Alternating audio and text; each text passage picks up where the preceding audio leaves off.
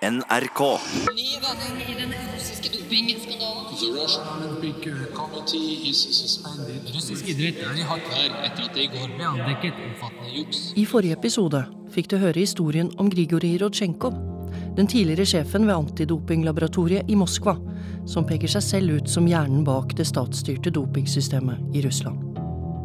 En historie som for meg er uvirkelig. There is a top level decision, you know who I mean, and big boss Vladimir Putin saying, we have show the best result in Sochi.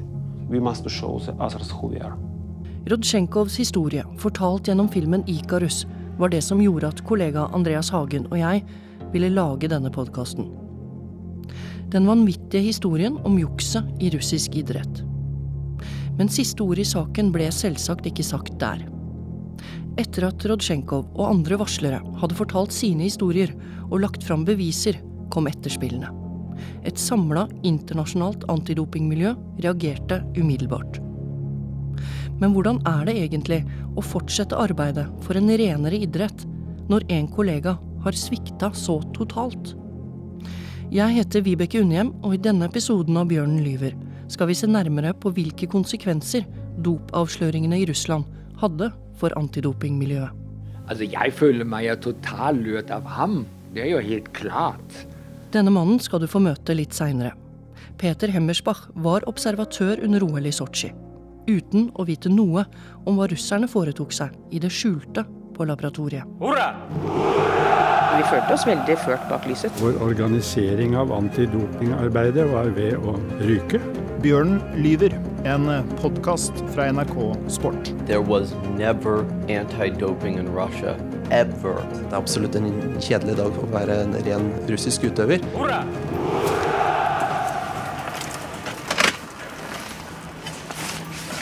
Andreas og jeg har tatt turen til laboratoriet for dopinganalyser på Aker sykehus. For å se hvordan de jobber her. Hei. Du, vi kommer fra NRK. Vi har en avtale med Ingrid Dennis. Ja. Skal jeg si fra at dere er her? Kjempeflott. Dette er den eneste laben i Norge som er godkjent til å analysere dopingprøver.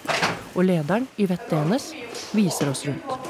Vi spør og graver om alt mulig, og hun forklarer. Um, blant annet så analyserer vi på det som kalles gaskromatografi, massespektrometriske eh, instrumenter, sånn som de her. Blant annet steroidanalysene foregår her. Denes har hatt denne jobben et par år nå, og utstråler positivitet og engasjement når hun snakker om jobben sin. Men dere tester ikke for det samme hver gang? Vi har et testpanel som gjøres på alle prøvene. Hun er i slutten av 40-åra, har kort, krøllete brunt hår og er kledd i genser og jeans. Ikke en hvit labfrakk, som jeg hadde sett for meg. Men inne på laben er det folk i hvite frakker, og maskiner i forskjellige størrelser og former. Det er litt spennende å gå rundt her. Laboratoriet er ikke veldig stort, men har flere rom der de ulike testene tas. Plutselig slår det meg at det er her det skjer. Det er i disse rommene at skjebnen til mange utøvere avgjøres. Da kjente jeg meg litt nysgjerrig, for i det øyeblikket en utøver selv kommer hit for å være med på testen av en B-prøve, det må jo være litt sånn følelsesmessig sterkt, da? eller? Ja, altså, Vi er jo mennesker, så det er klart at vi kan jo føle med den personen som har da kommet i en veldig kjedelig situasjon. Det er klart det. Så vi prøver å ta veldig godt imot dem. Vi går nøye gjennom både screeninganalysen og bekreftelsesanalysen, forteller hva som har skjedd, og så forteller vi dem da hva som skal skje ved åpningen og analysen av B-prøven. Og at de har mulighet til å være med på hele prosessen, eller at de kan, hvis de ikke ønsker det, så kan de gå når de vil. Har du vært med på en sånn, sånne situasjoner sjøl? Ja. Men i dag er vi ikke her for å snakke om det daglige arbeidet på laben. Det er en annen lab og en mørkere historie det gjelder. Den om russeren som misbrukte sin posisjon og sin lab til å svindle en hel idrettsverden. Does Russia have a systematic statewide doping system in place to cheat the Olympics? Yes. Jeg veit ikke riktig hva jeg skal tro, for det virker jo helt sprøtt. Det er som tatt ut fra en sånn spionroman. Ja, fullstendig. Altså, den overgår jo enhver Hadde noen laget en film basert på, det, på samme historie, så hadde vi jo bare sagt at, at det her er jo så usannsynlig.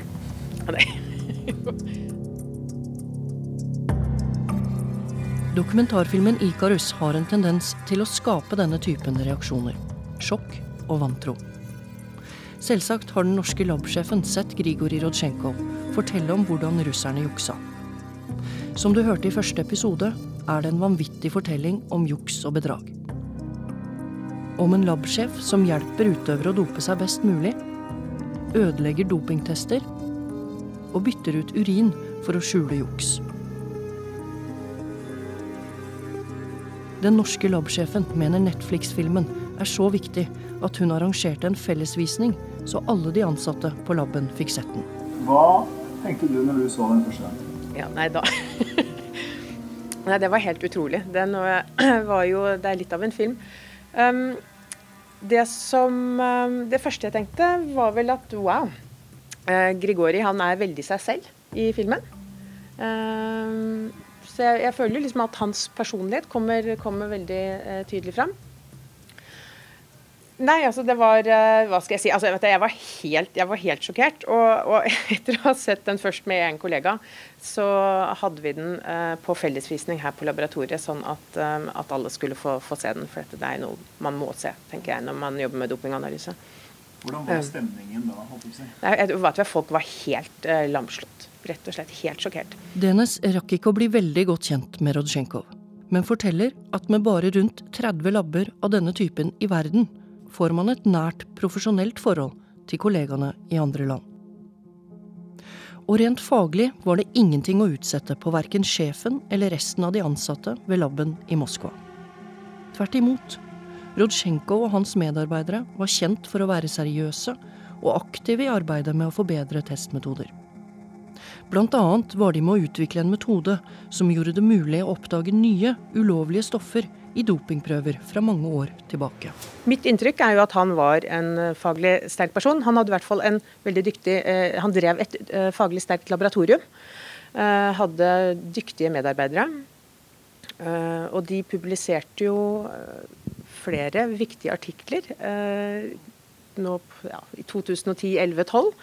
Eh, og disse artiklene eh, har jo eh, ligget til grunn for mange av de positive prøvene som har blitt eh, funnet ved etteranalyse eller reanalyse av lagrede prøver. Grigorij Rodsjenkov er et fascinerende tema, så Andreas og jeg tar oss en kjøretur et stykke utenfor Oslo for å besøke en som jobba med russeren i en årrekke. Men se på den, da. Ja, men jeg tror den er litt forvirra oppi her. Akkurat som det er. I enden av en smal, svingete vei i et villastrøk bor Peter Hemmersbach, Yvette Denes forgjenger. Han er pensjonist nå, men før det var han sjef for laben på Aker i 30 år. Hei, god dag.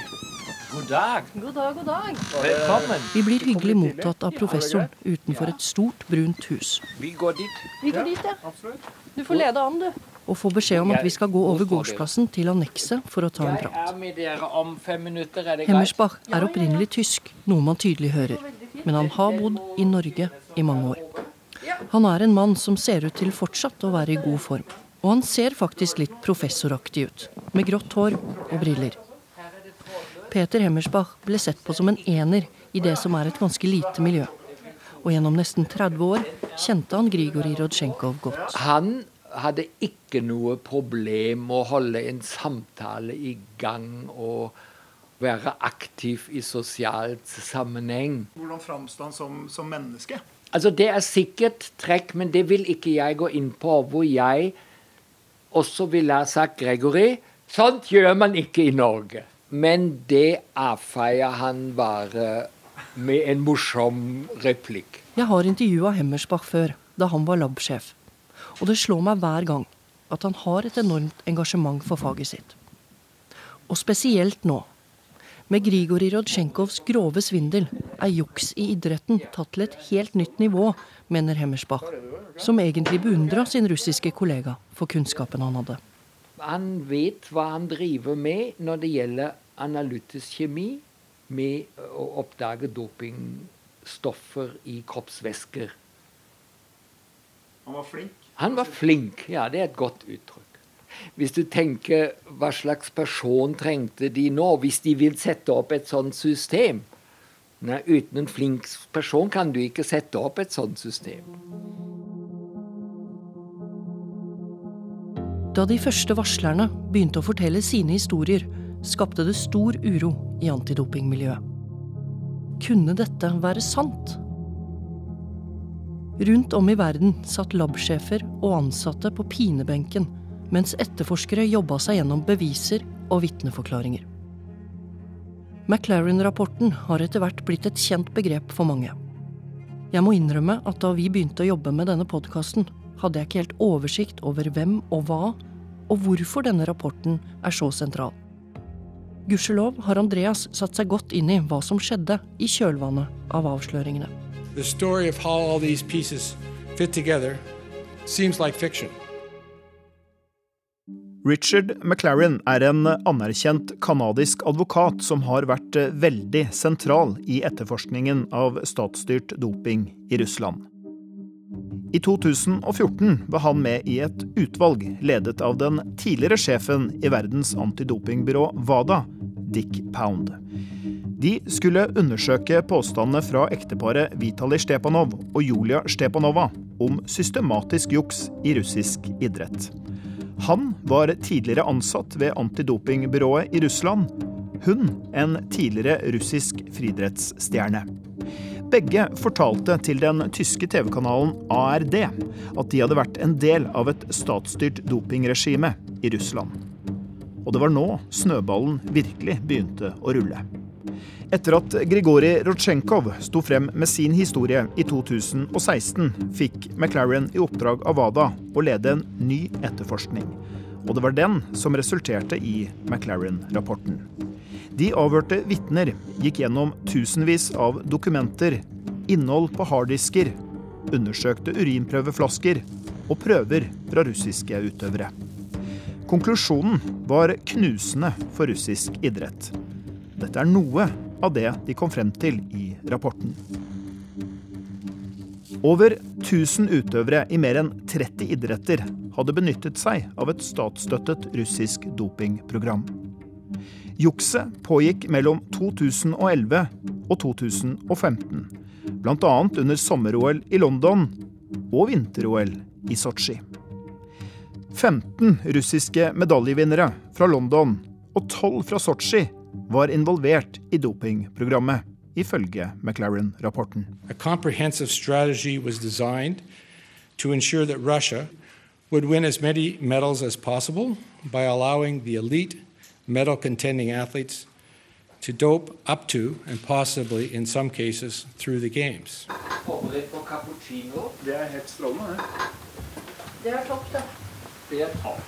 For Hemmersbach var det et stort sjokk da detaljene i Rodsjenkovs forklaring ble kjent. Russeren hadde rett og slett brukt all den kunnskapen han var kjent for å ha, til å lure systemet. Altså, jeg føler meg totalt lurt av ham. Det er jo helt klart. Så mitt problem var Jeg leser McLaren-rapporten. Og jeg har kjent McLaren i mange, mange år. Og han var for meg den juristen som satte seg best inn i vår tankemåte. Og så konkluderer han i sin rapport etter det han har funnet ut, ikke bare samtaler med Gregory, men også mange dokumenter, mange e-mailer. Han er troverdig, et troverdig vitne. Jeg får sympati med Hemmersbach der vi sitter og drikker kaffe i annekset. Han var i Sotsji-OL som observatør sammen med andre fra godkjente labber rundt om i verden. Alle var de totalt uvitende om den svindelen som foregikk rett under nesa på dem. Vi er ikke der for å ta utgangspunkt at de vi jobber sammen med, er med i juksemaking. Jeg var der for å sørge for at den analysen som førte til at en utøver ble utestengt, at den er korrekt. Altså Noen ganger var også noen der om natten bare for å se hvordan mottas prøver. Hvordan, men, men, det er klart, vi, vi skal ikke være der 24 timer. Og vi er der ikke for å avsløre en juks som er satt i system, sånn som det beskrives her. Det er ikke mulig.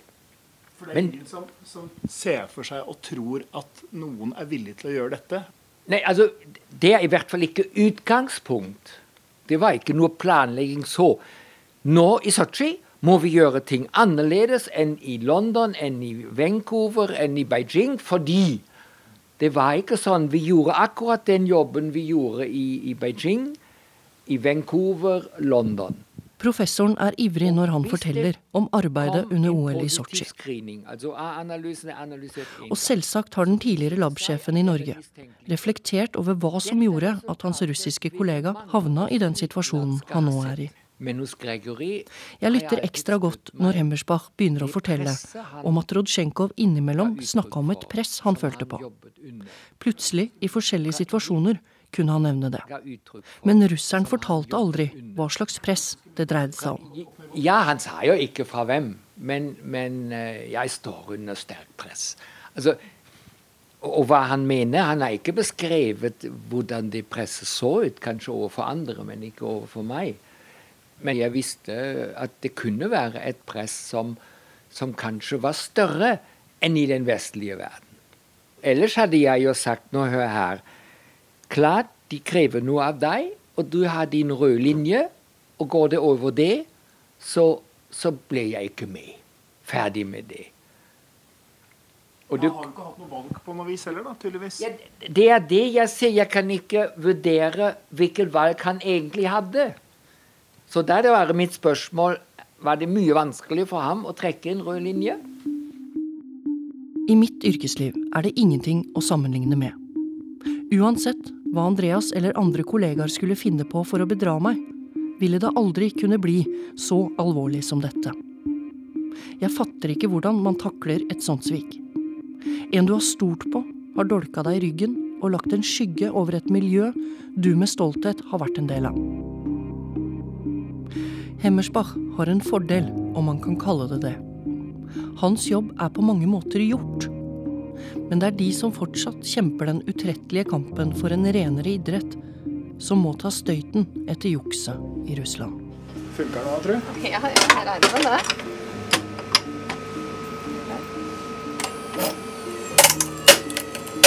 Det seg bra. Nok en urinprøve åpnes på laben på Aker sykehus. Urinprøvene kommer på flasker som skal være umulig å åpne uten en helt spesiell maskin. Som kun finnes på de godkjente laboratoriene. Det der klarer du ikke noe. Nei. Har du prøvd? Eh, Nei, det har jeg ikke gjort noe forsøk på. Andreas og jeg følger nøye med. Etter å ha hørt om maskinen og flaskene, er det interessant å endelig se den og se hvordan den fungerer. Det der var litt sånn isopor, eh, skrape negler på tabbelyd. Tankene går brått til laben i Sotsji. En lab som var ganske lik den vi er i nå.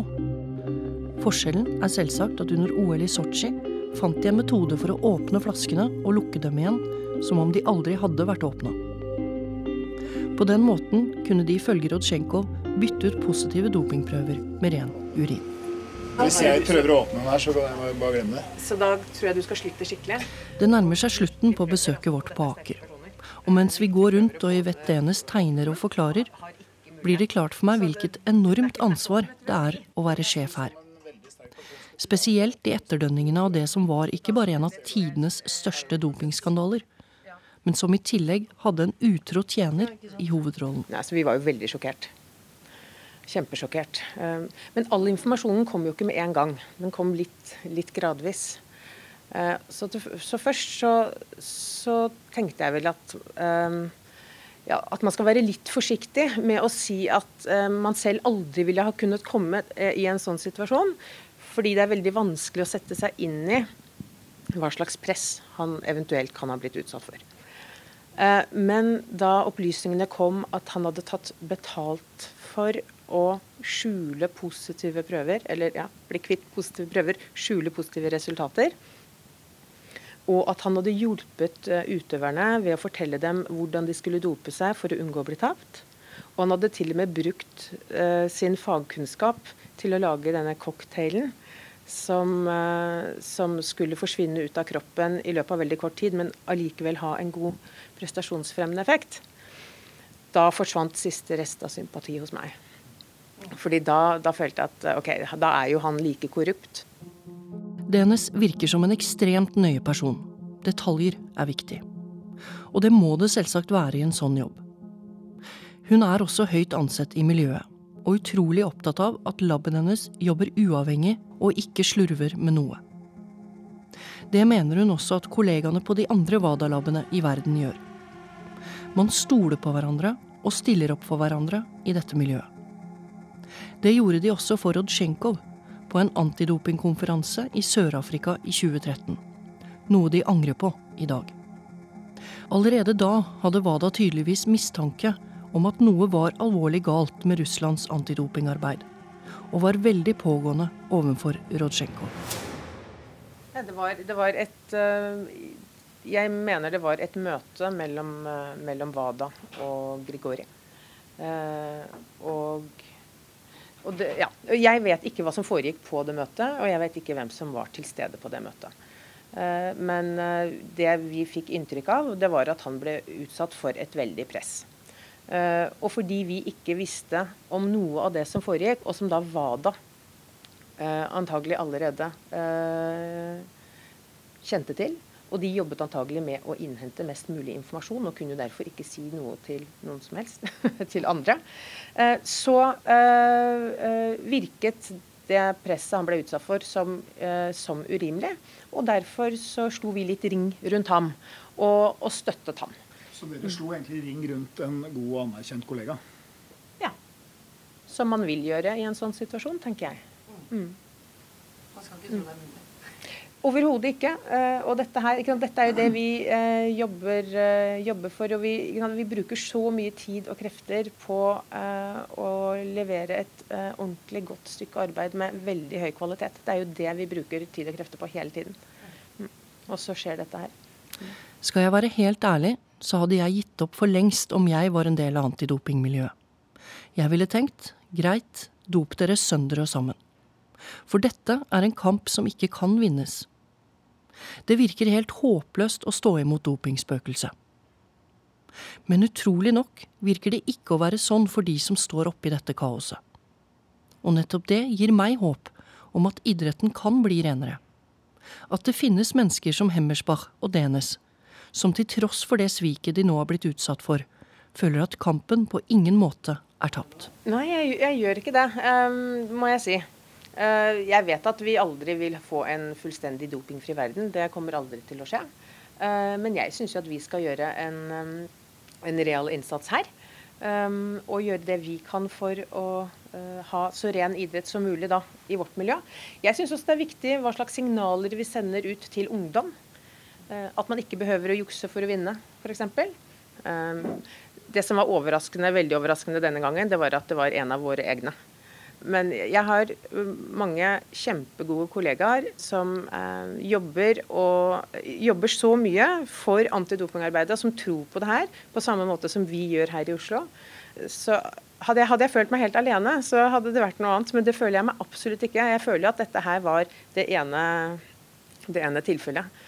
Uh, og at vi andre vi tror på det samme. Uh, og det er jo uh, at vi skal gjøre en ordentlig god jobb når det gjelder dopinganalyse, rett og slett. Jeg syns de avgjørelsene som er tatt, har vært gode. Dette er Gerhard Heiberg. Han har vært medlem av Den internasjonale olympiske komité, IOC, i mange år. Nå er han æresmedlem og en av de nærmeste og viktigste sparringspartnerne for president Thomas Bach. Heiberg mener IOC har straffa Russland hardt, men det er det ikke alle som er enig i. Ikarus-skaper Brian Fogels nådeløse oppgjør med IOC sier mye om de sterke reaksjonene saken har fått. Hvordan Den olympiske komiteen har takla skandalen, blir det mer om i neste episode av Bjørnen lyver.